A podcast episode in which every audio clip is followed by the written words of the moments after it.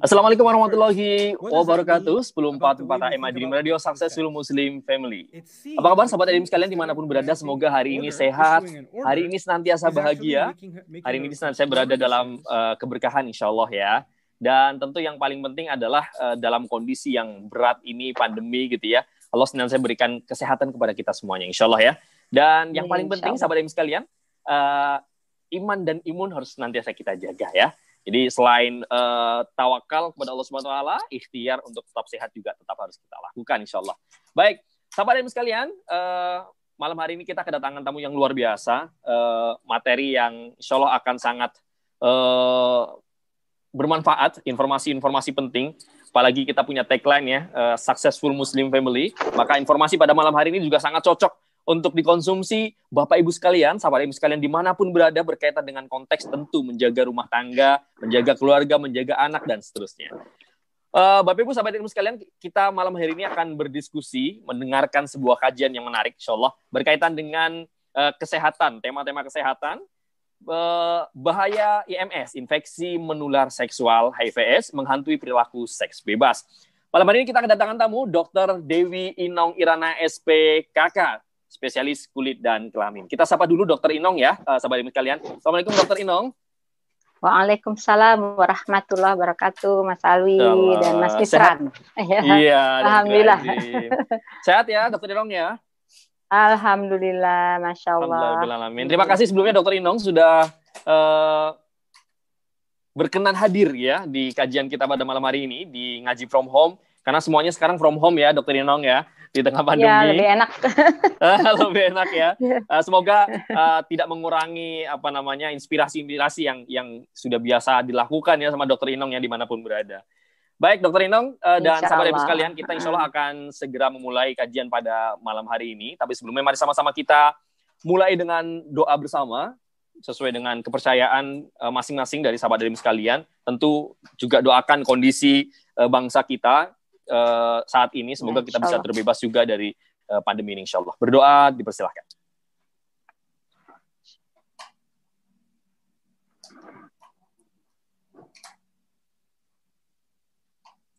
Amin.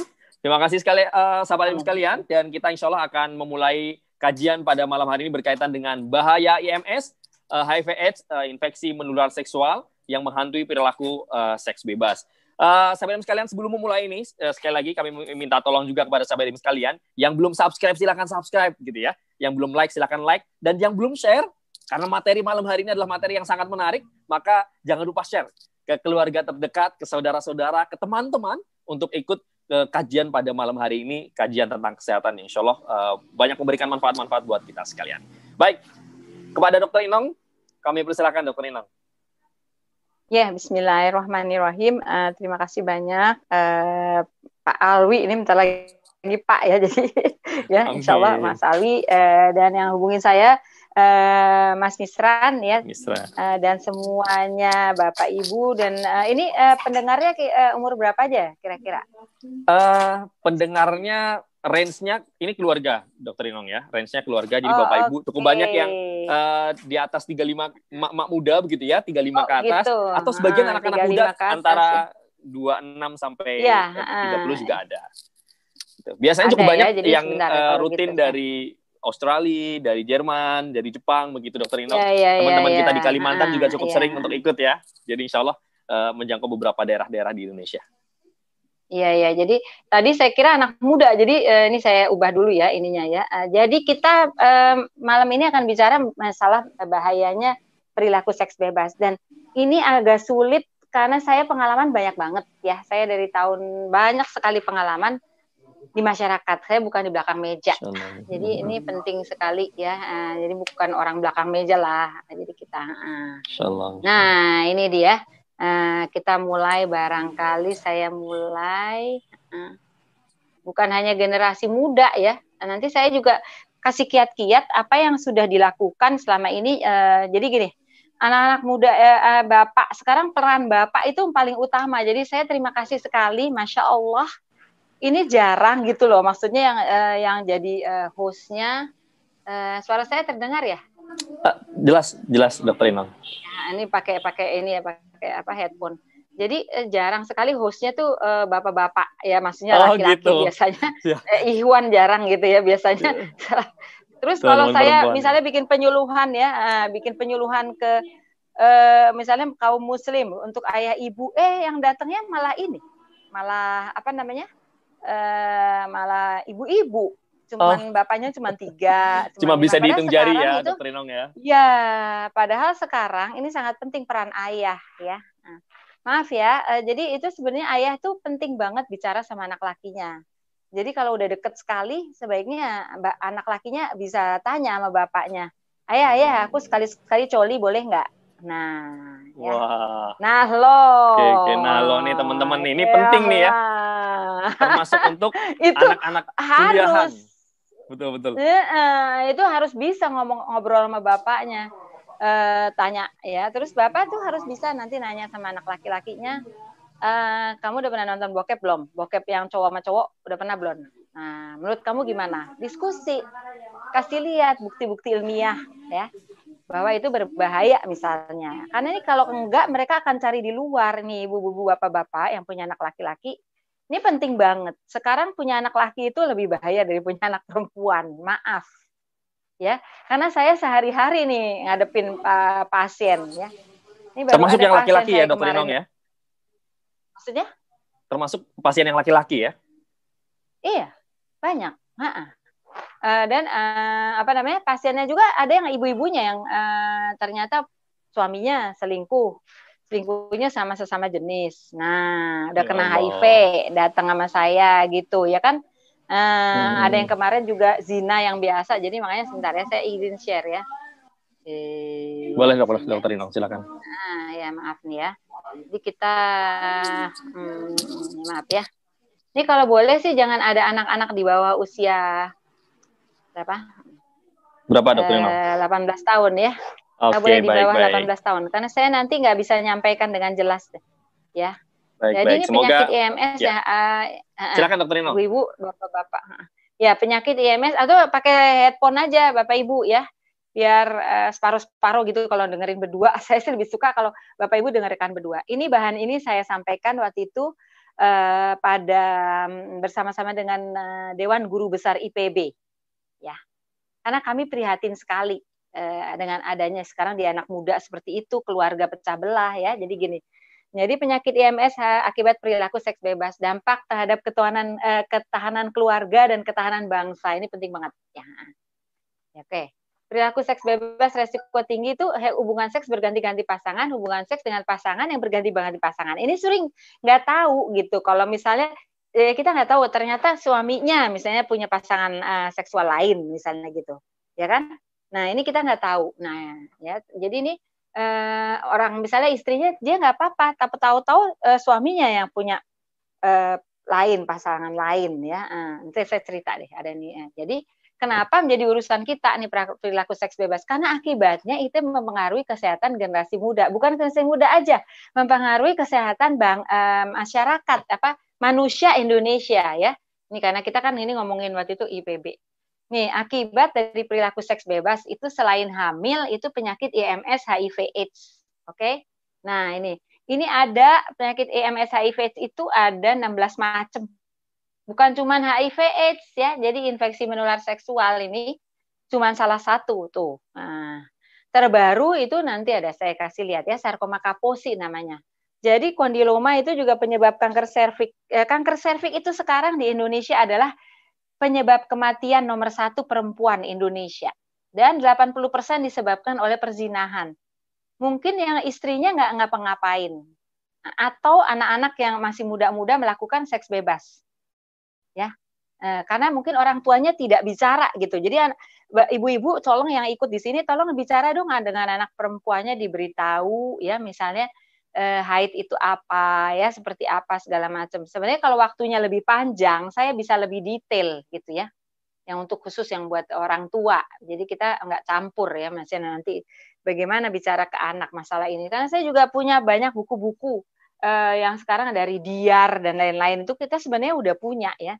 Tapi ini kita ngomongin ini dulu ya sekarang. Eh, pembuka mata dulu di hari ini saya kasih. Nah ini dia perilaku seks yang bisa menularkan infeksi menular seksual bukan cuma kelamin eh, dengan kelamin, tetapi kelamin lewat dubur itu paling tinggi resiko penularannya. Dan sekarang itu jadi tren. Aneh banget. Pokoknya aneh sekali. Kenapa kok ini jadi tren gitu ya? Terus kelamin ke kelamin jelas ya. Kelamin ke mulut. Dikiranya aman yang yang paling atas tuh ya, yang eh, lewat dubur ya eh, bahkan eh, segala macam di tempat segala macam asrama yang eh, sama jenis kelaminnya itu terjadi segala macam asrama ya. Pokoknya kalau udah sama jenis misalnya asrama khusus laki-laki atau asrama khusus perempuan ya itu bisa terjadi itu karena eh, karena nonton eh, film porno ya yang banyak di situ dibilang aman. Eh, atau kalau anaknya sekarang bilangnya bokep ya mungkin kalau ibu-ibu bapak-bapak muda tahu anak muda sih tahu ya. Cuman kalau yang seumur umur saya dibilang bokep tuh nggak ngerti apa anak. Nggak ngerti sama sekali ya. Uh, seperti istilah saya anak muda uh, friends with benefit itu sekarang kan ngetop banget ya. Jadiin film malah ya. Uh, jadi ibu-ibu bapak-bapak mungkin yang umurnya agak-agak uh, udah udah di atas 40 jadi sekarang tuh ada istilahnya anak muda friends with benefit tuh artinya dia berteman laki perempuan ya. Bisa juga mungkin laki sama laki laki perempuan itu cuman uh, berteman untuk emang buat having sex aja buat eh, happy happy gitu. Nah nah ini uh, kalau orang tuanya sebenarnya dari awal sudah memberikan bekal jadi menjadi orang tua itu anak itu dididik oleh kita bukan uh, bukan steril ya tapi imun bapak ibu sekalian. Ya karena dunia ini tidak steril. Ah ada kemarin saya kasih penyuluhan di mana terus bilangnya gitu e, kalau gitu kita nggak usah punya TV nggak usah punya internet nggak bisa saya punya pasien ibunya yang datang ke saya, dia bingung anak laki-lakinya enam tahun di asrama ya, hanya boleh pulang enam eh, apa eh, enam bulan sekali, itu. Nggak pernah lihat perempuan yang pakai baju pendek ya, pokoknya udah semuanya tutup aurat semuanya gitu. Begitu. Begitu dia uh, kuliahnya di bukan di asrama ya, udah pulang ke rumah terus uh, di perguruan tinggi ya, dia itu uh, jurusan agama tapi di perguruan tinggi di luar gitu, dia nggak bisa keluar rumah karena begitu ngelihat perempuan yang pendek sedikit uh, apa uh, betisnya kelihatan udah langsung maaf ereksi. Nah itu kan jadi sulit juga. Jadi nggak boleh kita tuh kasih orang uh, anak itu dididik untuk imun bukan steril. Ini sangat penting zaman sekarang. Jadi bapak-bapak dan ibu-ibu tuh harus komunikasi dengan baik nih sekarang dengan anak-anak seperti zaman dulu lagi ya. Jadi eh, kelamin ke mulut ya kelamin dan banyak pasien saya bapak-bapak uh, itu datang ke saya ya untuk berobat uh, penyakit kelamin IMS tadi. Biasanya saya kalau periksa bapak-bapak itu didampingi oleh perawat laki-laki ya supaya kita ada orang ketiga nggak boleh ya. Uh, tapi uh, bapak-bapaknya emang mau berobat ya mau uh, bilang gini dokter kenapa suami istri saya kena? Padahal saya uh, apa namanya pakai kondom misalnya. Terus uh, saya nggak berzina kok. Kenapa istri saya kena penyakit sipilis? Bapak nggak berzina? Benar. Lewat mulut? Oh emangnya lewat mulut bisa? Nah ini dia. Tuh ya.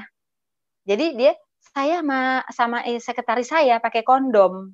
Nah lah ya. Jadi ini pengetahuan ini sangat penting. Nah, dan apalagi anak muda sekarang ya. Dikiranya tuh kondom itu uh, bisa melindungi.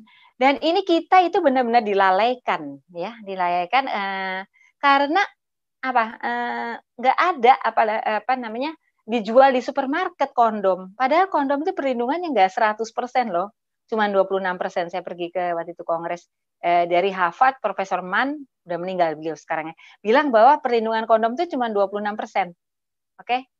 jadi tapi kenapa dijual di supermarket? Dan kita eh, sadar gitu yang orang-orang misalnya yang beragama Islam atau agama lain sama juga sih sama. Saya juga diundang oleh gereja Katolik ya uh, juga dengan PGI kita dengan Ibu Rita dari Aila itu uh, ke PGI kita kerjasama. Maksudnya sama prinsipnya kita sama. Semuanya nggak setuju dengan perilaku zina. Apalagi yang lewat lubang kotoran pembuangan manusia. Itu udah benar-benar nggak sesuai sama agama apa pun di Indonesia. Kalaupun nanti ada satu agama yang setuju, ya katanya dengar-dengar dari Katolik itu akan diizinkan atau apa, saya nggak ngerti bagaimana. Itu pun uh, jadi minoritas satu di antara tujuh agama yang berlaku di Indonesia. Karena kita dasarnya adalah Pancasila, ya itu penting sekali ini. Dan ini eh, sebenarnya kalau kita benar-benar melakukan dasar Pancasila ini, maka di Indonesia akan sedikit eh, apa uh, penyakit infeksi menular seksual ini. Nah, nih ya. Ini sifilis stadium 1, kutil kelamin itu, terus ada sifilis stadium 3, gonore, sifilis stadium 2 ya, kayak gini kalau udah kayak gini kan ketahuan. Cuman sulitnya banyak sekali penyakit uh, kelamin itu yang uh, nggak bergejala selama bertahun-tahun. Ini gonore yang di mata ya, herpes kelamin. Ya. Nah ini, ini saya ini cerita nih ya, sifilis stadium 2 nih dia datang sama saya uh, ke sama calon istrinya dibawa dia pakai kursi roda karena katanya lemes sekali udah nggak bisa ngangkat apa-apa. Dia bilang dokter saya kenapa nih seluruh badan merah-merah nggak gatel sih nggak sakit? Tapi saya nggak bisa ngangkat tangan saking lemesnya katanya. Ah. saya tanya ini siapa? Ini pacar saya. Oke perempuan ya kan? Terus dia dari Indonesia Tengah ya yang beragama Islam daerah beragama Islam di Indonesia Tengah di, dikirim oleh orang tuanya petani untuk kuliah di Jakarta.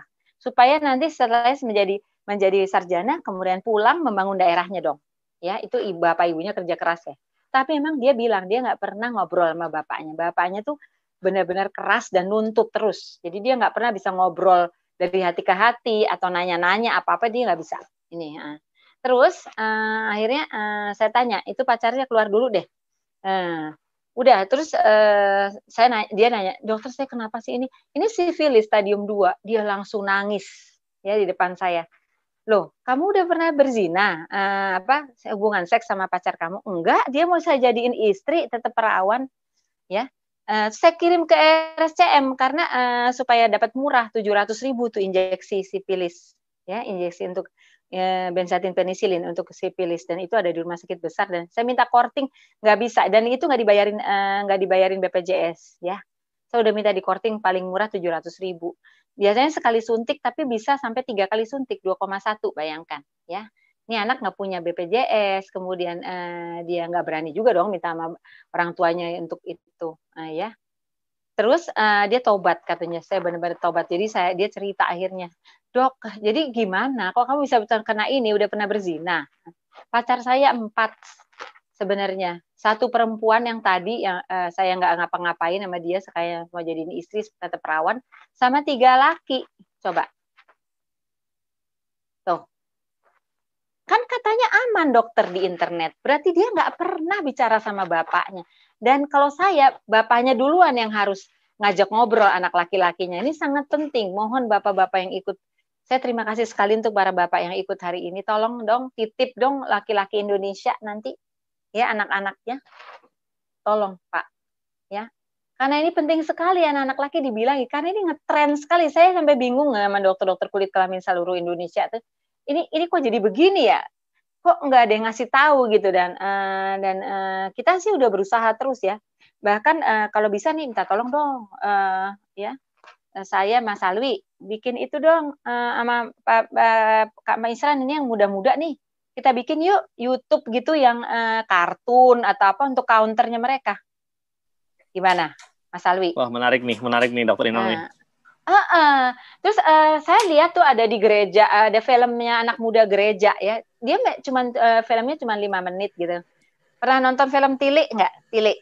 Tilik pernah, pernah. Yang pernah. banget. Mm. Ah, kita bikin dong kayak gitu gimana deh pokoknya ah, film gerejanya tuh keren banget nanti saya share ya baik baik. Uh, boleh dokter jadi dia tuh kayak apa ya anak muda gitu terus dia akhirnya kena penyakit kelamin. Eh waktu itu narkoba tentang narkoba. Nah nanti kita bikin bahwa nih ternyata gini ya kan? Sebenarnya kita kalau misalnya tentang yang uh, yang uh, tentang gay itu kan udah jelas tuh film nonton nggak Freddie Mercury filmnya? Yang dia kena uh, eh, HIV kan? Sebenarnya dia normal tapi kejebak sama ya. lingkungan yeah. gitu ya nah itu juga hmm. itu harusnya tuh kayak gitu-gitu tuh kita bikin tapi pendek-pendek aja anak muda ya ibu-ibu bapak-bapak mungkin yang usianya udah 40-an ke atas itu nggak do, nggak doyan lagi baca buku oh enggak nggak mau sekarang hmm. uh, harus yang pendek-pendek ya. aja karena mereka uh, uh, nonton nah, setuju kan siap siap saya Nanti karena bergerak saya di sini udah lama ini. Uh, uh, uh. baik baik Uh, uh, Mas Misran, ayo kita uh, bikin ya nanti. Jadi uh, jadi gini, mainnya alus gitu loh kayak mereka gitu, ya nggak? Konsep-konsepnya mereka masukinnya alus banget, termasuk kondom, ya. Ini benar-benar ya, kalau kita sih ya, uh, saya adalah istri TNI, ya, dan uh, di TNI ini peraturan tegas sekali, karena yang selalu yang disuluh uh, besok hari Senin saya uh, hari Selasa tanggal 2 saya kan saya udah staf uh, apa dosen tamu tetap untuk Sesko TNI, Sesko AU, pasukan perdamaian itu mereka sedikit sekali yang kena. Proporsinya dikit. Kalau ada yang kemarin lagi ribut-ribut masalah LGBT atau apa, itu sangat sedikit dibandingkan di masyarakat normal yang bukan mereka. Ya, karena mereka peraturan tegas sekali. Kenapa? Karena yang selalu yang diberikan pengetahuan itu adalah para bapak sebagai pemimpin, gitu loh. Beda sama kita nih yang di masyarakat. Kalau saya bikin penyuluhan yang datang ibu-ibu, padahal harusnya bapak lah yang akan mengambil keputusan sebagai pemimpin keluarga dan pemimpin bangsa. Oke? Okay? Ini nanti ribut lagi masalah kenapa bapak jadi pemimpin kaum feminis bilang begitu. Itu nanti pak ininya panjang. Itu ada hubungan dengan biologis sebenarnya. Saya bisa bilang bisa bantah dan bisa ada bukti-buktinya bahwa memang laki-laki yang harus jadi pemimpin ya eh, karena enggak emosian oke okay? tar dulu terusin terus kembali ke yang tadi sifilis stadium 2 nih oke okay? Udah akhirnya dia uh, saya kirim RSCM diperiksa darah di sana juga ya tambah buat HIV eh positif HIV-nya kelar hidupnya kasihan orang tuanya kasihan daerahnya yang mengharap dia akan pulang membangun daerahnya kena HIV ya sipilis. Oke, HIV-nya diobatin uh, pakai uh, pemerintah yang bayar. Ini juga nih nanti saya bahas. Ini proxy war, ya. Jadi ini economic burden, ya. Jadi buat menghabiskan uang negara nih. Memang kita nih karena kita negara kaya, tapi ini dia uh, negara kaya sekali, tapi belum tergarap. Kayak anak saya sekarang yang sedang uh, ikut uh, program Indonesia mengajar dulu yang yang menciptakan yang itu yang menciptakan lagi yang mene, yang bikin ininya tuh ada Pak Anies Baswedan ya bikin nih sekarang udah nggak lagi tapi uh, pokoknya ini masyarakat ini sosial juga dibayarnya oleh donatur donatur itu mengajar di daerah terpencil itu benar-benar nggak ada listrik nggak ada sinyal ya itu masih ada di, di Indonesia yang seperti itu ya itu masih ada kayak gitu tuh kita harusnya nah yang kayak gitu mendingan uangnya dibuat begitu daripada bayarin uh, penyakit AIDS misalnya ini. Ini penting sekali. Terus uh, akhirnya saya kirim deh. Terpaksa udah karena emang dia udah tobat, alhamdulillah tobat, dia udah tobat nangis-nangis akhirnya mau uh, di Yayasan Peduli Sahabat, akhirnya udah uh, di di terapi ya, uh, disuntik 700 ribu waktu itu. Alhamdulillah cuma sekali karena mungkin dia tobat ya. Sekali udah negatif sih akhirnya alhamdulillah. Di, uh, setelah beberapa bulan kemudian diperiksa. Apa? Eh, apa namanya saya yang bayar. Karena memang saya ada dana untuk itu. Bayarin. Dengan syarat dia tobat. Oke sekarang insya Allah udah nikah sama yang pacarnya itu mau nerima ya udah terbuka semua udah dia tobat nasuha ya udah nggak ini. Tapi sekarang saya tanya ke mana yang teriak-teriak hak azazi manusia? Hmm? bayarin. Enggak kan? Kenapa pemerintah yang bayar? Kenapa juga kita orang-orang dari LSM yang bayar? Kalau udah kena penyakit kelamin.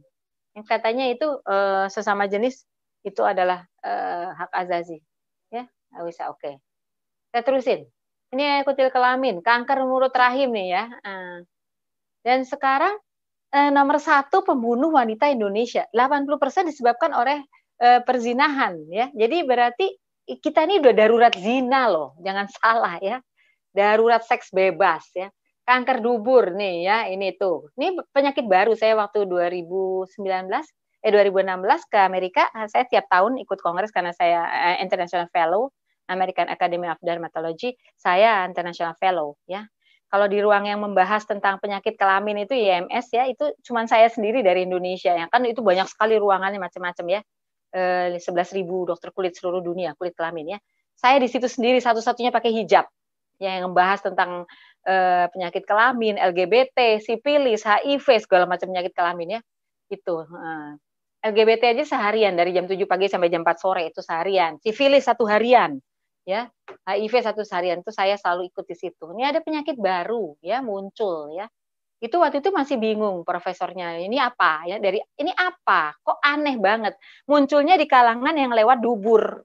Nah, ternyata nah, itu ternyata virus uh, baru mutasi HHV8 namanya. Silakan dibuka ya.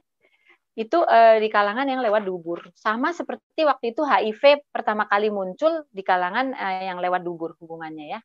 maksudnya lelaki seks lelaki ya LSL oke nih kanker dubur seperti ini kalau udah kayak gini gimana oh ya saya ini pengalamannya bapak ibu sekalian ya eh, bapak-bapak ibu yang masih calon bapak atau ibu-ibu yang calon ibu juga boleh yaitu saya ini pernah ngurusin 500-an waria dan gay di Ancol yang prostitusi. Indonesia belum sejahtera.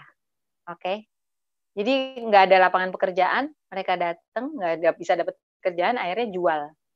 Tapi tanpa ada pelanggan, ada konsumen nggak mungkin dong ada ada eh, penjual ya nggak. Berarti ada pelanggannya. Itu banyak anak mahasiswa waktu itu di daerah situ kan ada ya perguruan tinggi saya nggak sebut. Oke. Okay? Kemudian juga ada bapak-bapak yang punya istri. Saya sedih sekali karena saya tiga tahun setiap hari Selasa. Dah, tapi kita di samping mengobati ini penting sekali juga di samping mengobati kemudian memberikan penyuluhan kita juga memberikan jalan keluar. Panggilin ustadz panggilin eh, apa namanya setiap agamanya deh ya. Eh, bukan hanya ustadz ya jadi semuanya dipanggil kemudian dikasih jalan keluar. Apa? Di eh, ini apa eh, dikasih keterampilan gratis Terus kalau bisa eh, dikasih modal, di, di, eh, kemudian dijualkan, nah, itu yang hasil keterampilannya. Atau misalnya diajarin eh, untuk jadi bengkel atau potong rambut, ya, potong rambut laki tapi ya, ya kayak gitu. Jadi di, eh, diajarin seperti itu diberikan modal. Nah harus seperti itu kita. Dan ini sebenarnya harusnya tugas pemerintah. Tapi kami semua ini eh, yang sekarang masih bergerak-bergerak di mana-mana itu tetap ini kita membantu deh, ya. Nah Gak usah banyak hujat sana, hujat sini. Kalau apa yang kita bisa bantu, kita bantu. Minimal dari keluarga kita sendiri yang benar. Oke, nanti saya teruskan. Oke. Ini kanker kayak gini, mau diapain? Ayo. Saya udah kenyang. Dari tahun 1998 eh, sampai sekarang ngurusin mereka. Oke. Waktu saya tugas di Madiun, saya jadi ikut-ikut ikut terus suami saya bertugas ke mana-mana, ya, karena beliaunya TNI. Udah lima daerah di Indonesia kami tinggal, termasuk darurat militer di Aceh waktu itu tinggal di barak, tidur di lantai, padahal udah spesialis ya itu itu banyak banget macam-macam. Saya pernah pegang lokalisasi WTS di daerah Teguhan di Kabupaten Madiun, ya. Itu anak-anak kecil ya dinikahkan sama orang tuanya karena miskin, jadi mereka nggak ada tanggung jawab. Kemudian uh, umur berapa mereka udah punya anak, 14, 15 udah punya anak. Akhirnya cerai dari suaminya, karena mereka istri kesekian lah. Suaminya cari yang baru lagi, misalnya gitu ya.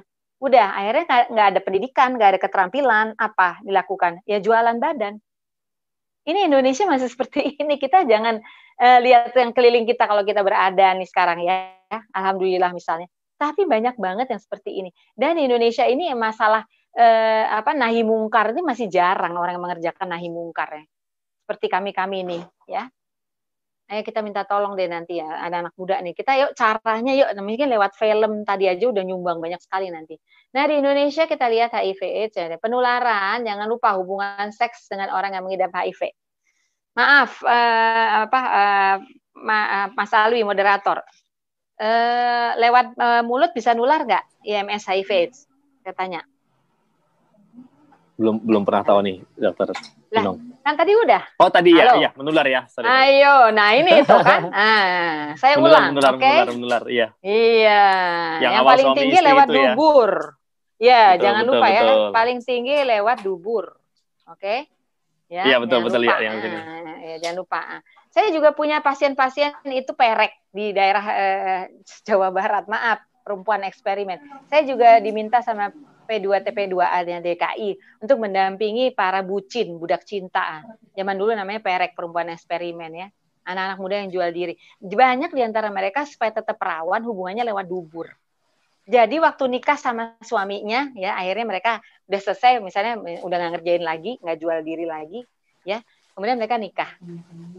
Eh, suaminya senang karena perawan, tapi hmm. duburnya udah hancur dan udah HIV. Ya Allah. Halo. Oke. Okay? Ini berat banget dan ini di bawah permukaan semuanya ya. Oke. Okay. Oke, okay, jangan lupa. Jadi kontak darah dan luka. Jadi hati-hati bekam. Buat yang muslim tolong bekam bawa sungkup sendiri. Yang ibu-ibu perempuan-perempuan kalau mau facial sama manikur pedikur bawa alat sendiri, oke? Okay? Penggunaan jarum suntik juga gini ya. Nah. HIV nggak nular ya lewat gigitan nyamuk, bersalaman, berpelukan, makan minum bersama Oda, tinggal sum ini nggak. Saya kan udah lama ya. Nah, kenapa sih kita ngomongin HIV padahal itu ada 16 macam? Soalnya ini yang uh, belum ada obatnya sama sekali. Kalau kita minum obat HIV itu uh, eh, HIV-nya cuma tidur ya. Hanya melemahkan ya, dokter ya?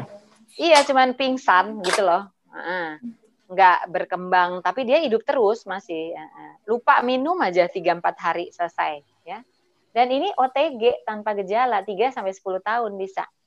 Uh, tidak ada gejala tapi membawa virus dan bisa nularin sama kayak COVID Cuman COVID itu OTG cuma 14 hari, paling lama 28 hari. Ini 3 sampai 10 tahun bayangin. Ya. Dan harus minum obat seumur hidup. Vaksin belum ada sampai sekarang karena dia mutasi terus. Ini harus minum obat seumur hidup, tetap daya tahan tubuhnya nggak normal, lebih lemah dari orang sehat. Jadi sakit-sakitan tidak sehat, walaupun minum obat, jangan salah loh akan ada obatnya. Jangan begitu ya. Nah, sebenarnya sih kalau kita waktunya lebih kita mungkin lain kali bikin lagi itu bikin ada testimoni dari dua macam eh, pasien saya ya. Ini yang satu nih eh, sedang sedang lagi kambuh, nggak bisa bangun ya. Dia sebelum menikah dia suka berzina. Terus dia nggak tahu kalau dia HIV karena nggak ada gejala. Dia nikah, istrinya kena, anaknya kena. Satu. Ya, habis itu dia tahu minum obat. Mereka berdua, anak keduanya normal, apa sehat. Tapi kedua eh, bapak dan ibunya itu sakit-sakitan. Udah kemarin sempat nggak bisa bangun. Dia bawa uh, gojek ya, uh, itu ini uh, maksudnya dia uh, itulah ya yang online itu. Uh, itu uh, jatuh. Akhirnya dikeluarin dari ini. Jatuh. Alhamdulillah nggak bawa penumpang. Patah kakinya. Istrinya pernah uh, itu juga ke, kena herpes seluruh badan. Karena dia penderita HIV ya kan? Terus kalau bapak ibunya nanti meninggal ya dengan cepat kayak gini dan nggak bisa mendidik dengan baik karena sakit-sakitan anak-anak anaknya saya tanya apakah akan meneruskan uh, generasi muda Indonesia nanti. Oke, okay? ini penting banget nih penyakit. Ini uh, lebih bahaya loh dari narkoba sebenarnya, tapi nggak pernah dibahas, jarang. Di mana-mana anti narkoba, narkoba ini penting sekali sebenarnya nggak boleh seks bebas. Ya, oke. Okay. Ini kita lihat itu baru sampai bulan Maret ya. Eh, saya udah dapat yang Juni tapi baru jadi belum saya masukin itu udah di sini ya deket banget tuh lihat tuh nih ya. Yang eh, eh, biru itu HIV kalau yang merah itu udah uh, AIDS. AIDS itu artinya udah ada gejala. Oke? Okay? Tapi sekarang karena orang minum obat HIV jadi gejalanya eh, nggak uh, muncul banyak. Jadi jadi menurun dia. Tapi kasus HIV-nya naik terus, oke? Okay? Dah yang paling sedih ini, persentasi di Indonesia kasus HIV tertinggi adalah di usia produktif, usia 20 sampai 49 tahun. Nah, tuh. Ini usianya apa Pak Misran sama Pak Alwi, bener kan? Hmm. Betul betul ya Allah. Terus gimana tuh lihat? Ini Indonesia, ini dari Dirjen P2P Kemenkes dari seluruh provinsi di Indonesia. Oke? Okay? Ini enggak bukan main-main. Ini lihat ya. Yang saya buletin yang kuning lihat ya. Kenapa umur 20 sampai 24 tahun kok tinggi juga nih? 20 udah kena HIV dari mana? Kalau dari ibu bapaknya itu di bawah 4 tahun itu sedikit sekali. Itu biasanya langsung meninggal, nggak bisa. Nggak bertahan biasanya. 5 sampai 14 tahun juga sedikit sekali yang bertahan sampai situ biasa terus meninggal ya. Nah, itu dapat dari ayah ibunya biasanya. Ibunya mungkin nggak ngapa-ngapain dapat dari ayahnya atau ibunya juga bisa dia selingkuh atau apa. Kita nggak tahu ya. Tapi jarang biasanya perempuannya. Ya. Nah, tertinggi. Nah, yang paling sedih lagi kalau yang udah kena AIDS yang ada gejala. Ini paling tinggi juga usia produktif. Tapi paling sedih yang ada gejalanya tuh usia 20 sampai 29 tahun. Sedangkan gejala itu muncul setelah 3 sampai 10 tahun setelah tertular. Artinya kalau 20 tahun dia eh, apa udah kena ada gejala, udah AIDS, udah muncul gejalanya semua.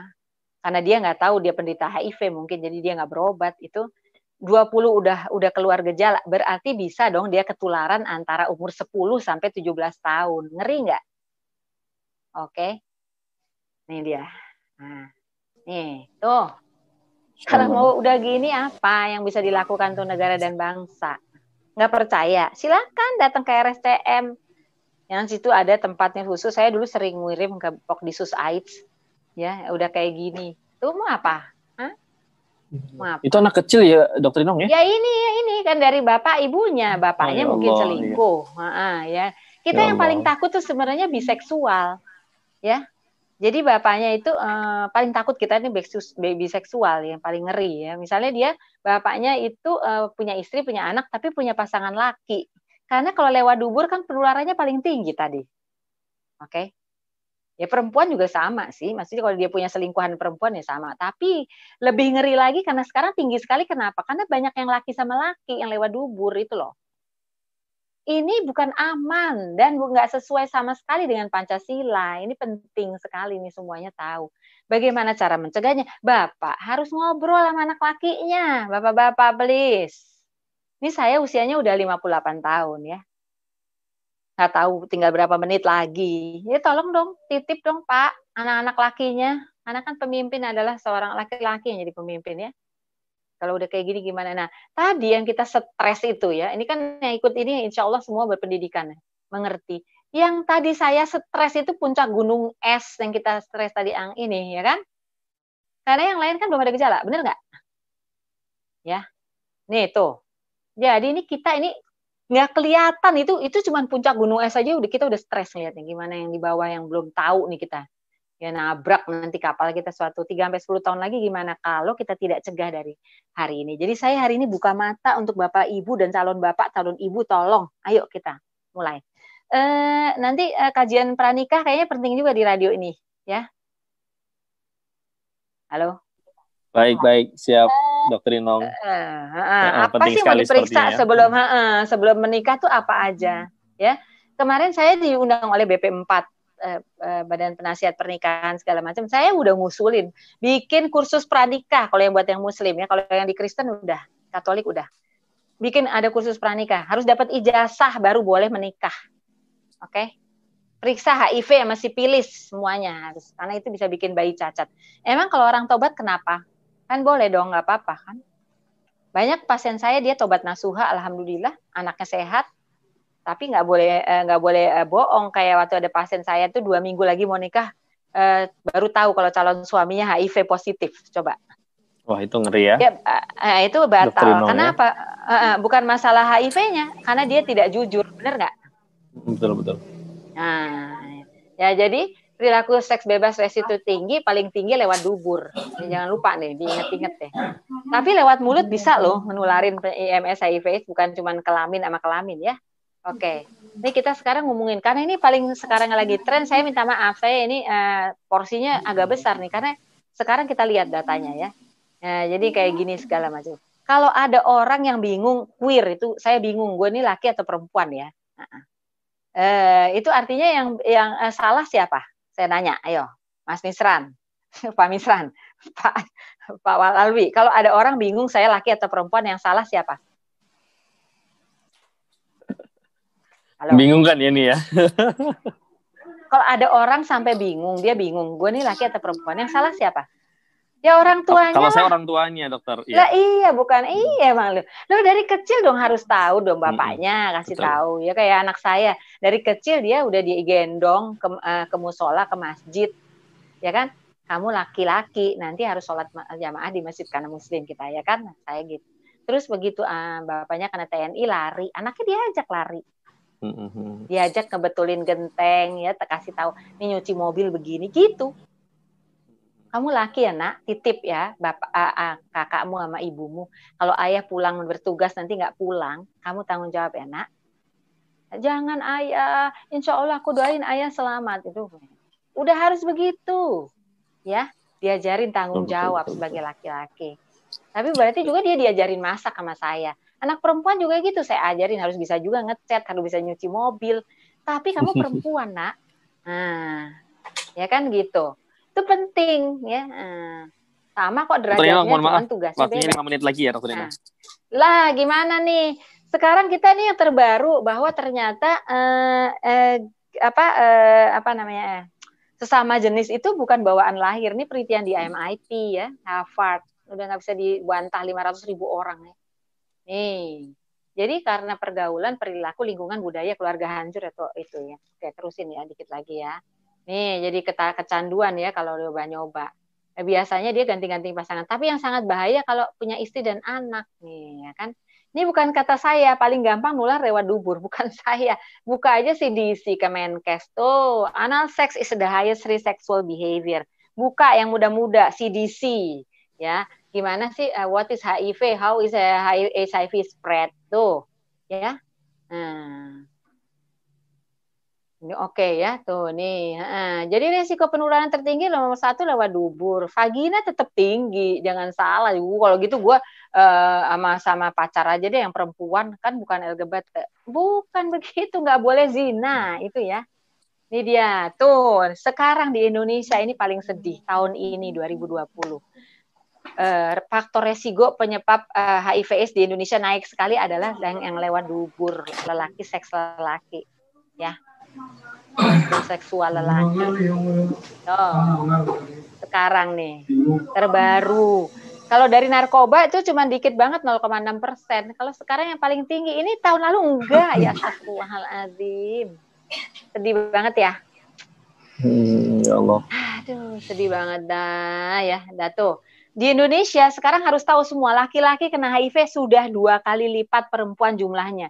Sekarang bertambah banyak, ini udah nambah lagi. Sekarang yang terbaru lagi yang bulan Juli kalau nggak salah udah 70 sekian persen.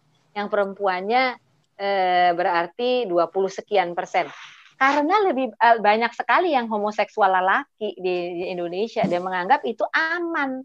Padahal kita negara yang semua agamanya tidak setuju dengan perilaku zina, apalagi yang lewat lubang kotoran pembuangan manusia. Ya. Oke, terusin hmm. ya nih, terus nih ya. Saya lihat tuh nih. Nih kalau buka Facebook ada kayak gini tuh. Ini berapa banyak dari mereka yang sudah mengidap HIMS tanpa gejala. Nularin pada pasangan. Penyebarannya kayak MLM, kayak yang tadi pasien, pasien saya pacarnya tiga cowok. Masing-masing pacar cowoknya punya tiga lagi pasien. Tuh udah.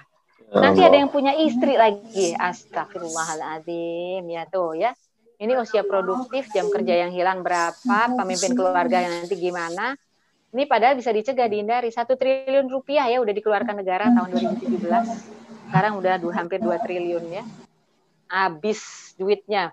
Padahal bisa buat bangun sekolah-sekolah kayak di tempat anak saya sekarang di Yapen itu Papua ya. Papua, bisa untuk ke TBC ya. Nah, ini nggak sesuai dengan uh, Pancasila ya.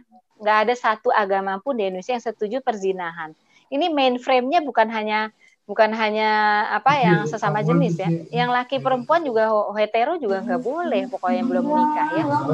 Kemanusiaan yang adil dan beradab ini nggak beradab ya. Kenapa? Ada pasien saya dia uh, bawa istrinya sama anaknya, anak bayinya uh, baru lahir cacat kena. Dia tuh uh, orang daerah di gerobak sampah, ini menguntit sampah, tahu kan ya?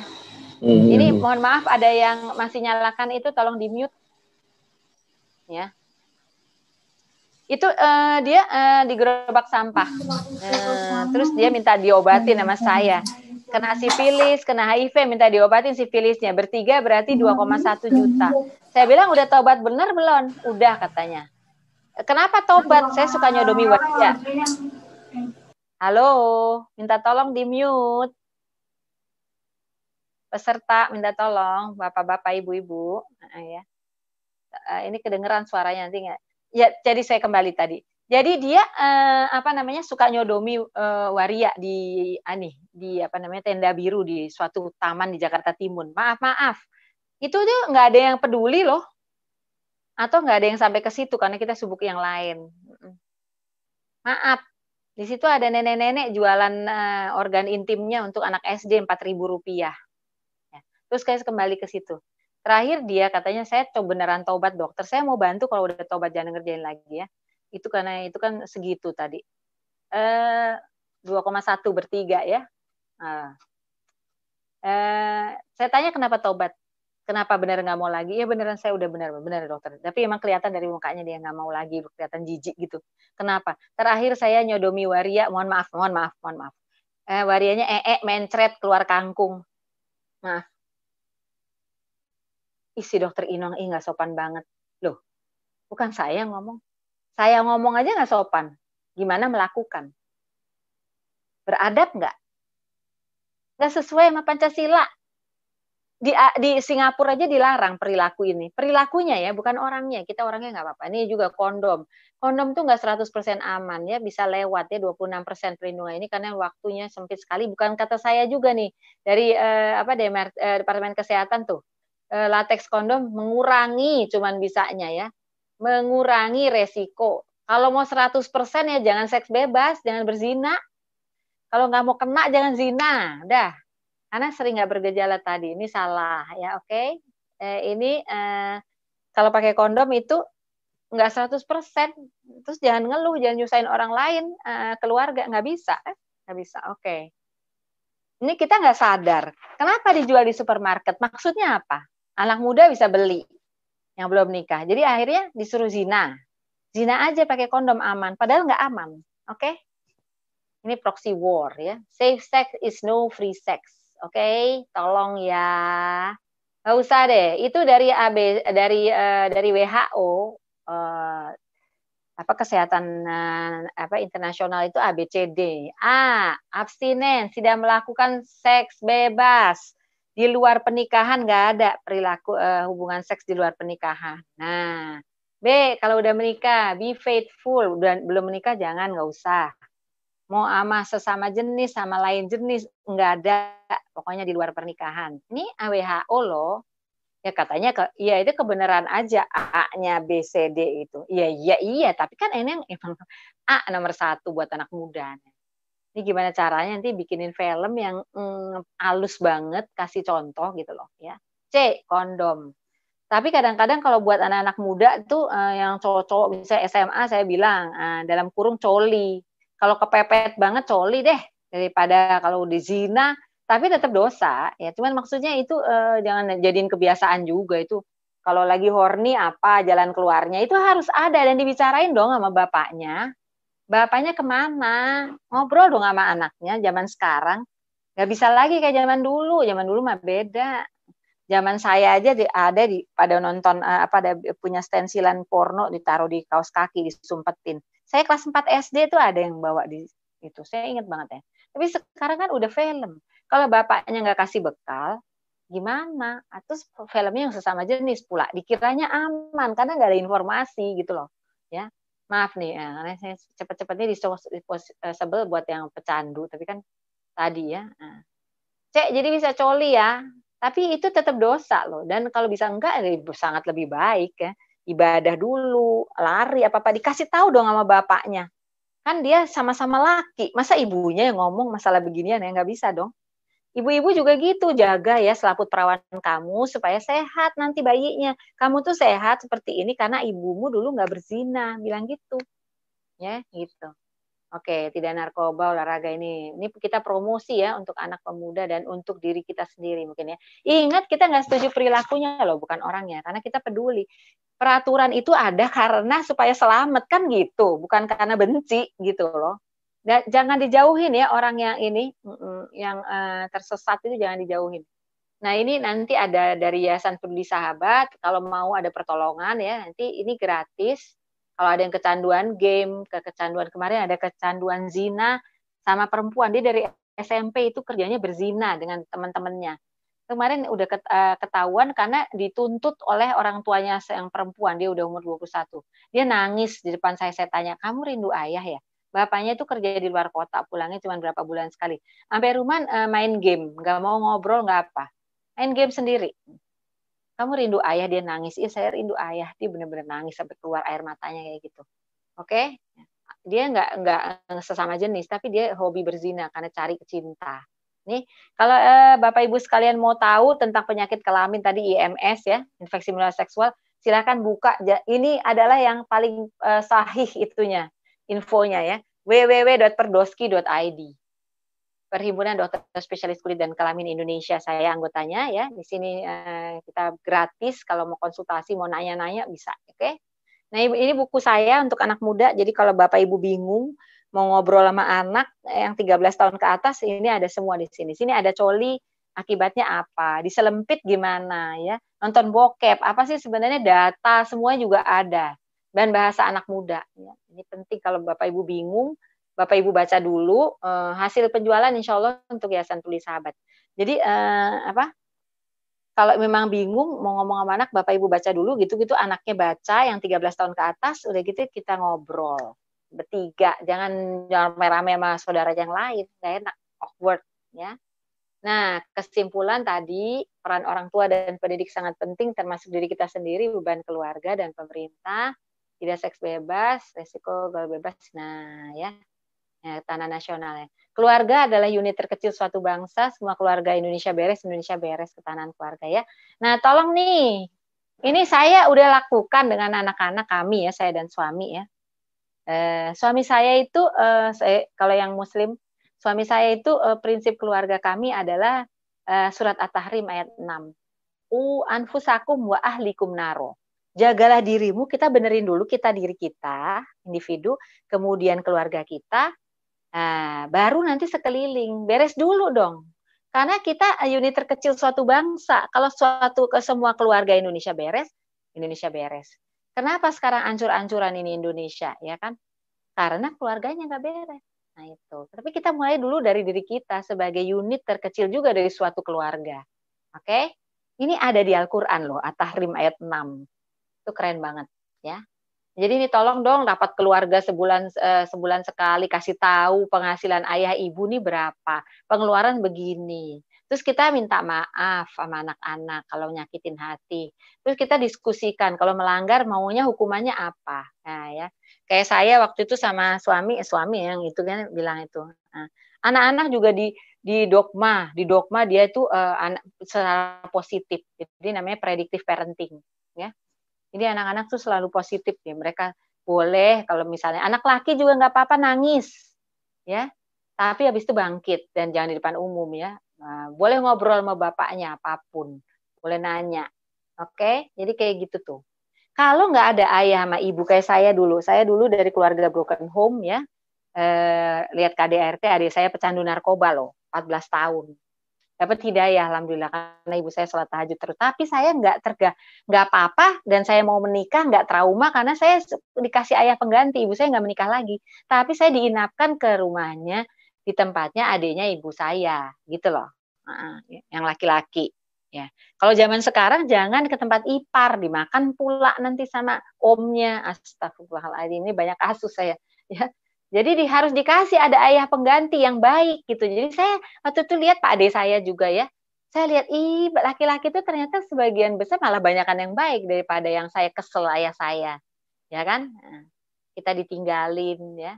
Rumahnya situ lebih bagus daripada rumah saya yang mau jatuh sampai saya kuliah di UI sambil kerja di toko buku ya ini penting banget jadi benar-benar ketahanan keluarga masya Allah kita kalau yang muslim itu ada. Atarim ayat 6 oke terusin ya udah selesai dikit lagi. Oke. Jadi kalau yang ini buat perguruan tinggi yang lainnya pendampingan segala macam oke ini bukan ya. Nah ini juga salah satu contoh eh, pemerintah daerah yang keren banget ya Depok. Keren keren banget. Saya udah lama bantu. Saya berbagai daerah ya Tangerang Selatan itu bantu juga.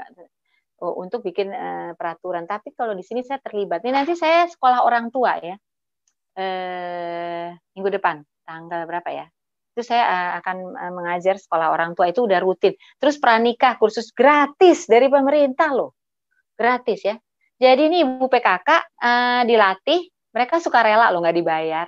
Pendidikannya juga banyak yang uh, apa namanya, uh, pokoknya mereka suka relawan. Masya Allah itu barokah banget mungkin ibu uh, ketuanya hari ini mendengarkan kalau jadi mendengarkan ya masya Allah bu saya aduh ya Allah salutnya kayak apa itu ya jadi itu mereka pegang satu RT itu ibu ibu PKK pegang satu RT kemudian mereka tahu yang mana yang bermasalah ya tentang kayak gini misalnya mana yang uh, penjajah seksual mana yang ini kemudian satu-satu rumahnya diketokin didatengin di, di, dibawain makanan diajak berobat akhirnya diajak tobat. Keren kan? Ya, tuh lihat yang ditutup tuh ya. 90% loh dari itu adalah uh, lelaki seks lelaki. Jadi ini udah bahaya sekali di Indonesia tentang yang sesama jenis ini, ya. Ini HIV semua ya yang kita uh, tangani nih. Lihat nih. Dari kita peduli taati Pancasila ya kita nih uh, mulai dari yang unit terkecil ya. Jadi ini juga dari lingkungan dulu ya, nggak usah jauh-jauh dulu lah Nah, ini masa depan kita ada di tangan mereka, ya. Kesehatan bukan segalanya, tapi tanpa kesehatan segalanya tidak berarti. Harus sehat dulu baru bisa berkarya dan bekerja. Ini saya buat anak muda, nih lihat ini kayak gini mereka. Ya. Petani ini di, di apa uh, petani singkong dihidupkan bikin tepung mokaf. Ini mereka uh, terbebas dari seks bebas langsung menikah, kemudian istri, istrinya dapat beasiswa, masuk Kick Andy. Keren banget Masya Allah ya, ini kayak gini dulu mesti dicontoh nih ya. Nggak ada, mungkin ini pakai proses ta'aruf aja kali langsung menikah aja daripada macam-macam ya itu sehat masya allah. Jadi cegah IMS hindari perilaku seks bebas mulai dari diri kita dan keluarga kita ya insya Allah sekian dulu. Uh, terima kasih mungkin uh, lain kali kalau waktunya lebih banyak saya banyak sebenarnya yang mau diomongin. Ya begitu baik baik ya. saya terima kasih banyak dokter ya, Inong ya. luar biasa ya banyak yang ya, Masya Allah. sambil tercengang mungkin ya dokter Inong sambil mungkin berpikir ya. gimana ya caranya ya begitu ya dengan kondisi yang mungkin dialami mm -hmm. oleh uh, saudara-saudara kita dan seterusnya begitu baik uh, ya. kita sesi tanya jawab sebentar boleh ya dok ya kita extend sekitar boleh, menit boleh boleh silakan ha. boleh ya silakan. baik kepada sahabat dan sekalian yang ingin bertanya berkaitan dengan tema pada malam hari ini kesehatan uh, seksual dan seterusnya, boleh bertanya di live chat kita di YouTube, tuliskan uh, pertanyaannya atau ah. uh, WhatsApp kami di 082298881044. Baik, uh, sepertinya sudah uh, mulai banyak jadi yang kita uh, lanjutin aja nanti ini bikin lagi sesi sesi baik, yang lain. harus nih dok ya. Psikolog, ya. Uh, ya. Baik, baik. Boleh ya dok ya? Iya. Baik, mm. ini ada dua pertanyaan yang mungkin uh, saya bacakan terlebih dahulu dok ya. Yang ya, pertama ya. uh, tentang dari dari uh, Mas Safrisma Abdullah. Prostitusi ya, seks baik. bebas konten di media sosial amat mudah ditemukan tanpa ada filter atau sensor. Uh, seperti Setuju. contoh misalnya kita cuma search kata kotor aja ya di sebuah uh, aplikasi media sosial gitu. Itu langsung muncul tuh gambar-gambar uh, yang kurang baik begitu. Itu bagaimana menurut uh, Dokter Inong? Yang kedua uh, uh -huh. penanya mau tanya dong dok ibu hamil dengan sepilis apa yang bisa dilakukan sekarang? Mungkin dua itu dulu dok. Oke, yang per, ya yang pertama tadi ya itu dia makanya ini PR kita bersama. Untuk sementara makanya tadi anak itu kita didik ya, jadi mereka bisa mengambil keputusan gitu loh.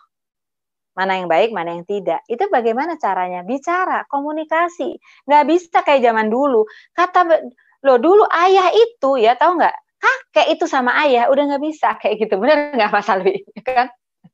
Nggak, beda udah, udah beda zaman kita. ya dok ya. Uh, uh, ya kalau saya sih eh, itu hadis atau bukan ya mungkin kayaknya bukan hadis ya tapi kayak peribahasanya itu didiklah anakmu sesuai zamannya itu cocok banget. Ah, udah hmm.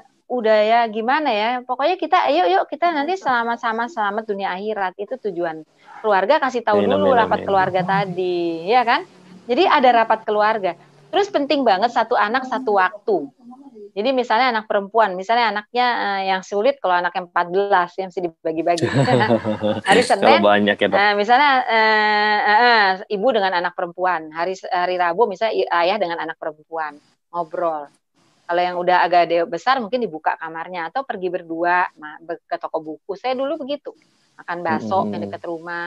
Nanti di, saya nyetir sendiri, jadi anak bisa ngobrol hmm. habis-habisan dan kita nggak pernah bandingin uh, anak saya satu dan kedua itu beda sekali. Yang satu sangat sosial yang satu lagi sangat akademis. Beda nggak bisa. Kok kamu uh, nilainya begini ranking 30 misalnya? Kenapa kakakmu bisa ranking satu? Ini ngapain lah kayak gitu? Orang yang beda-beda. Ya kan? Nah, dan kita tanya jangan jangan ceramah. Kalau ceramah itu ada nanti. Kayak misalnya suami saya dulu uh, waktu anak-anak masih kecil masih serumah uh, sholat habis sholat uh, maghrib anak laki ikut sama bapaknya, saya mas, uh, kakaknya uh, apa berjamaah. Kemudian pulang uh, bapaknya uh, itu uh, bacain hadis-hadis atau lugur makam apa-apa yang lain-lain itu udah kita dengerin sampai Isa. Udah itu di situ ceramah. Begitu kita pertemuan keluarga maka itu kita boleh curhat Penting sekali ya, aja. ya. Yes. Uh, dan ayo dirundingkan dan itu udah perjanjian nggak boleh emosi Hmm, ya. Harus terbuka Kami ya. juga minta maaf. Uh, hmm. Mereka juga minta maaf nangis-nangis. Tapi biasanya anak hari ini minta maaf, maaf ayah ibu. Kita bilang nanti ayah ibu tuh bisa loh umurnya besok atau eh, berapa jam lagi udah nggak ada. Kalian harus bisa berdiri dan memilih yang terbaik untuk dirimu. Dan nanti kita berkumpul ya di surganya Allah selama lamanya. Ya Allah anak nangis nangis besoknya tapi diulang. Minta maaf tapi besoknya diulang lagi namanya juga anak. Ya. Kesabaran seorang orang orang tua ya, Dok ya. Iya, Baik, dan ini harus dengan... penting sekali parenting ya nanti. Harus ada nih sesi parenting. Baik, baik, ini menarik nih. Kita uh, hmm. uh, coba buat lagi ya buat sahabat Edim sekalian. Iya, nanti. Ha, ha. Baik, dok, pertanyaan yang kedua dok terkait dengan ibu hamil yang uh, terkena ah, sifilis. Apa kalau ibu hamil uh, ada sifilis ya harus diobatin, nggak apa-apa, obat sifilis aman. Bahan jangan telat. Tapi kalau udah telat cacat soalnya. Hmm, ya. Baik, baik. Berarti harus segera konsultasi Jadi, ya dok ya? makanya. Nah, makanya sekarang di DKI itu keren banget. Sebelum menikah, sekarang wajib periksa KUA. Eh, di KUA itu harus menyertakan, ha, harus periksa HIV dan sifilis. Itu juga saya eh, kami lakukan ya, bukan saya ya, maksudnya saya dan suami lakukan untuk eh, calon mantu lima tahun yang lalu. Periksa HIV, sifilis, bahkan saya periksa klamidia ya. Klamidia itu eh, membuktikan dia itu masih perjaka atau enggak. Ada, ada tes begitu ya dok ya? Kalau yang terakhir baru tahu itu. Iya. Baik. Sama penting sekali ya Monica itu nanti MMPI. Nanti kita bahas uh, sesi Oke, okay, baik. Di sesi parenting ya, Dok ya. Pranikah nanti. Oh ya, pranikah ya saya buat buat yang teman-teman yang belum menikah. Baik, Dok. Ini waduh pertanyaannya cukup banyak ini ya, tapi waktunya sangat terbatas. Semoga uh, Dokter Inong bersedia ya di sesi berikutnya, ya, Dok ya. Boleh, saya bacakan boleh banget. Ini kita masih sekitar 4 menit lagi ya, Dok ya. Uh, uh, boleh, ada ada dua pertanyaan. Yang pertama uh, dari seorang bapak-bapak mungkin ya. Dok, apa pengaruhnya pada kesehatan jika sering melakukan onani? Mungkin ini buat anak ya. laki-laki dan seterusnya. Yang kedua, ya, uh, uh, dokter bagaimana memberikan komunikasi seseorang ibu berbicara dengan anak laki-laki ketika ayahnya sudah meninggal? Karena saya sering kehabisan Baik. cara untuk ngobrol dengan anak laki-laki. Silakan dokter. Saya yang nomor uh, saya yang nomor dua dulu. Tadi kasih ayah pengganti, omnya, oke? Okay? Hmm jangan sama kakek karena kakek udah kejauhan. Kakek itu nanti lain lagi nanti caranya. Caranya ya, ya. dok ya. Eh tolong dong kasih omnya. Nah, atau kalau enggak gurunya. Gurunya yang bisa dipercaya sama kita ya. Kayak dulu anak saya waktu di rumah kepemimpinan anak saya di rumah pemimpinan dua tahun waktu di UI di PPSDMS ya asrama itu uh, bapaknya kan sangat sibuk sekali ya suami saya hmm. karena dokter penyakit dalam. Uh, dan pokoknya sibuk sekali deh dia hmm. uh, bisa pulang juga cuma seminggu sekali, kadang dua minggu sekali. Uh, dia kalau lagi galau banget dia ke tempatnya Ustadz Musolih. Hmm, ya. Itu ayah penggantinya selama ini. Nah, jadi kami juga membina hubungan dengan Ustadz Musolih. Hmm. Terus dia juga waktu itu udah kalau udah pulang, ayah, ayah kemarin aku udah ngobrol sama Ustadz Musolih. Uh, gini gini gini gini. Menurut ayah gimana? Mereka ngobrol berdua sama suami saya, gitu. Hmm. Ada ayah pengganti, nggak bisa. Perempuan nggak bisa, nggak bisa digantikan. Uh, saya ini ini yang kejadian beberapa kejadian kami itu akhirnya anaknya menjadi sesama jenis karena kangen bapak ya. Uh, ibunya tuh uh, bilang gini uh, saya bisa kok jadi ayah pengganti? Nggak bisa. Ya anak saya pernah waktu itu ada ada masalah apa yang dia uh, pengen dibicarakan atau apa dia pengen nanya. Hmm, terus nanya ayah ke mana lagi? Sibuk banget ya? Gimana bu? Sama sama ibu aja saya bilang gitu kan. Dia juga dekat sekali sama saya uh, untuk hal tertentu dia juga suka ngobrol sama saya tapi hmm. bu ini nggak bisa bu. Ayah buka uh, ibu tuh bukan laki-laki. Ibu nggak ngerti perasaanku. Tuh sih. Tetap beda ya dokter iya ya. dong hmm, makanya. betul, betul. ini penting banget. Jadi tolong kasih ayah pengganti. Ibu saya tidak menikah loh. Sampai uh, sampai meninggalnya tidak menikah lagi setelah bercerai. Sama bercerai meninggal atau bercerai hidup sama ya kan? Nah, itu uh, apa jadi dikasih ayah pengganti kasih. Hmm, entah uh, nanti ada omnya atau kalau emang nggak ada omnya. ya. uh, pak D ya yang yang gaul. Atau ada misalnya orang di keliling kita yang kita percaya atau kalau enggak ya tadi gurunya yang kira-kira bisa hmm. bisa komunikasi itu penting sekali hmm. dikasihkan uh, sosok ayah pengganti ini penting saya atau ibu pengganti kalau termasuk untuk kan. perempuan ya iya betul ibu iya ya. he kalau ibunya belum menikah lagi misalnya bapaknya kasih ibu pengganti tantenya ya itu penting hmm. banget nah saya dulu diinapkan setiap uh, misalnya tiga minggu sekali saya menginap di situ saya lihat sendiri oh begini ya ternyata lelaki itu banyak oh suami istri itu seperti ini. Karena saya nggak pernah punya bapak saya juga nggak tahu bagaimana suami istri sehari-hari. Hmm. karena nggak punya ayah dari kecil ya karena perceraian ya kan. Yang saya ingat trauma-trauma uh, apa KDRT itu berat banget. Dan saya harus ke psikiater hmm. waktu itu. Waktu uh, uh, umur 23 apa waktu masih sah. Karena uh, itu trauma berat. Jadi bapak ibu tolong dong jangan berantem di depan anak ya. Hmm. Ya penting-penting ya. Bapak ibu untuk jangan sampai berantem depan anak ya dok ya. Jangan. Eh, terus ada pasien saya dia jadi sesama jenis laki-laki anak muda. Kenapa? Ibunya suka curhat tentang kejelekan suami bapaknya sampai hmm. masalah seksual. Hmm.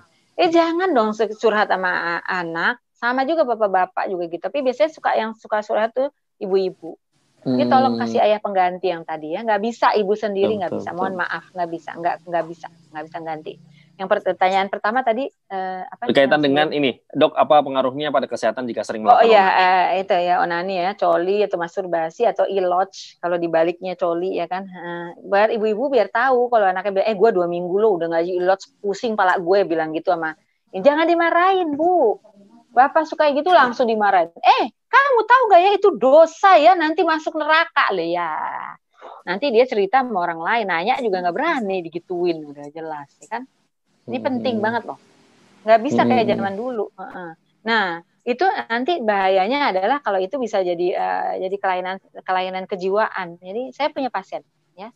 Dia waktu mudanya 10 kali sehari nonton bokep, udah gitu coli. Ya. ya. Udah, uh, udah akhirnya menikah. Dia nggak berzina ya, tapi itu udah ketagihan pokoknya jadi nyandu pokoknya dia nggak bisa ini kalau nyandu tuh kan uh, apa ya udah nggak normal ya pokoknya Nah, itu begitu dia menikah, dia nggak bisa puas sama istrinya.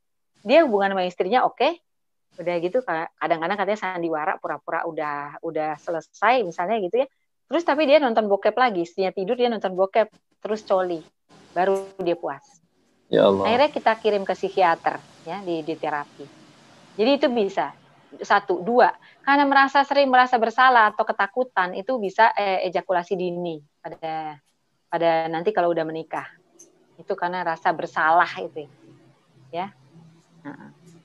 jadi makanya tapi harus ada jalan keluar dong. Bapak-bapak yang ngomong sama kamu jangan nonton bokep kalau bisa. Gimana supaya nggak nonton bokep yuk kita olahraga aktivitas lain fisik ya, ah. Terus kalau lagi horny apa yang dilakukan? Misalnya wudhu, sholat sunnah misalnya. Hmm, hmm. Atau kalau kamu emang nafsu banget, padahal udah nggak nonton bokep, ya misalnya puasa. Yuk puasa Senin Kamis sama betul. ayah atau Daud, ya kan? Betul, betul, Kalau betul. emang gitu. Terus olahraga, diajarin olahraga, diajak olahraga, misalnya naik sepeda, lari. Besok pagi keluar sendiri kok spermanya. Apa itu penuhnya sperma itu bagaimana? Itu apa itu sperma? Kamu nanti mimpi basah itu apa? Itu dijelasin semua. Bapaknya hmm. bukan ibunya. Ya kan? Betul, Makanya betul, betul. Peran bapak ya. Peran ya, ibu-ibu juga gitu. Dijaga ya. Saya maaf kalau saya bicara di depan anak-anak SMP atau SMA Terus saya suka nanya anak SMA, siapa yang belum pernah coli? Gak ada yang angkat tangan, 100% coli. Bahkan SMP Islam. Ya, nah, SMP agama misalnya. Terus kemarin ada kita juga ada di SMP SMP agama ya.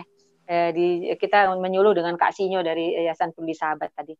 Hmm. Eh, terus kita eh, waktu itu ada setelah selesai kita bagi kan laki perempuan sendiri gantian saya sama Kak Sinyo hmm. tukeran gitu. Terus eh, setelah selesai ada yang datang loh sama kita bilang gini, eh, kasihnya oh dokter aku udah mimpi basah tapi aku waktu mimpi basah itu hubungannya sama sesama lelaki oke okay? ya Allah kenapa ibunya sibuk banget bapaknya itu lebih sibuk lagi di luar kota pulangnya cuma berapa bulan sekali nggak pernah ngobrol sama dia nggak pernah nanya nggak pernah dipeluk begini dari mm-hmm. samping ya kan ini penting banget dan ini harus ada nanti psikolog nih yang bicara mm. tentang bagaimana parenting bagaimana komunikasi dengan anak penting. Saya hari ini pembuka mata aja. Nanti saya bisa lanjutkan yang lebih baik, baik, dalam baik, lagi baik. misalnya. Ya. Baik, terima kasih Dokter Inong sudah memberikan uh, ya, materi inspirasi batin. gitu ya. Uh, Ada closing statement barangkali? Yes. Ya, itu aja yuk kita apa namanya? Uh, saya lagi ulang bahwa eh, kita amalkan surat At-Tahrim ayat 6. O anfusakum wa ahlikum naro eh, neraka itu bukan hanya yang di akhirat ya, neraka dunia juga banyak. Nah, hmm. kita perbaiki diri kita dulu, kita benar, kemudian keluarga kita, nanti cari istri yang atau pasangan yang benar juga, ya kan? Yang sekufu, yang sama benar, kemudian nanti uh, kita perbaiki juga anak-anak kita, baru nanti kita diseliling. Uh, dengan menyumbangkan keluarga yang benar aja udah beres, insya Allah. Masya itu udah amalnya, masya Allah. Uh, ya. Itu aja. Amin amin. Baik, terima kasih Dokter Inong sekali lagi sudah Iya, uh, sama-sama. Mohon maaf saya batin waktu, juga gitu ya untuk sharing dengan uh, sahabat Edim sekalian di mana pun berada dan sesi pertama ini mungkin adalah ya. sesi pembuka ya, membuka mata kita semuanya ya. dengan menyimak dan tercengang sekaligus memikirkan apa ya solusinya dan seterusnya begitu ya. Uh, Bisa, Insya Allah Semoga ada. Allah lindungi kita selalu ya, uh, Dokter Inong dan semua Amin. sahabat ibu sekalian. Ya. Uh, semoga Allah ya. jaga dari segala keburukan-keburukan di keluarga kita, di adik-adik kita, saudara Amin. kita, kakak kita dan semuanya, ya. Insya Allah ya. Baik, uh, sama-sama kita cukupkan dengan bacaan hamdalah, alhamdulillahirobbilalamin dan doa penutup majelis. Subhanakallahumma wa bihamdika asyhadu an la ilaha illa anta astaghfiruka wa. Sekali lagi terima kasih Dokter Inong. Uh, dan sampai ibu sekalian, iya. uh, uh, saya Farudin Alwi juga mohon pamit dari ruangan dengan Anda beserta kru yang bertugas pada malam hari ini. Semoga semuanya sehat, semoga semuanya amin, berada dalam lindungan Allah Subhanahu wa taala. Terima kasih. Assalamualaikum ya warahmatullahi wabarakatuh.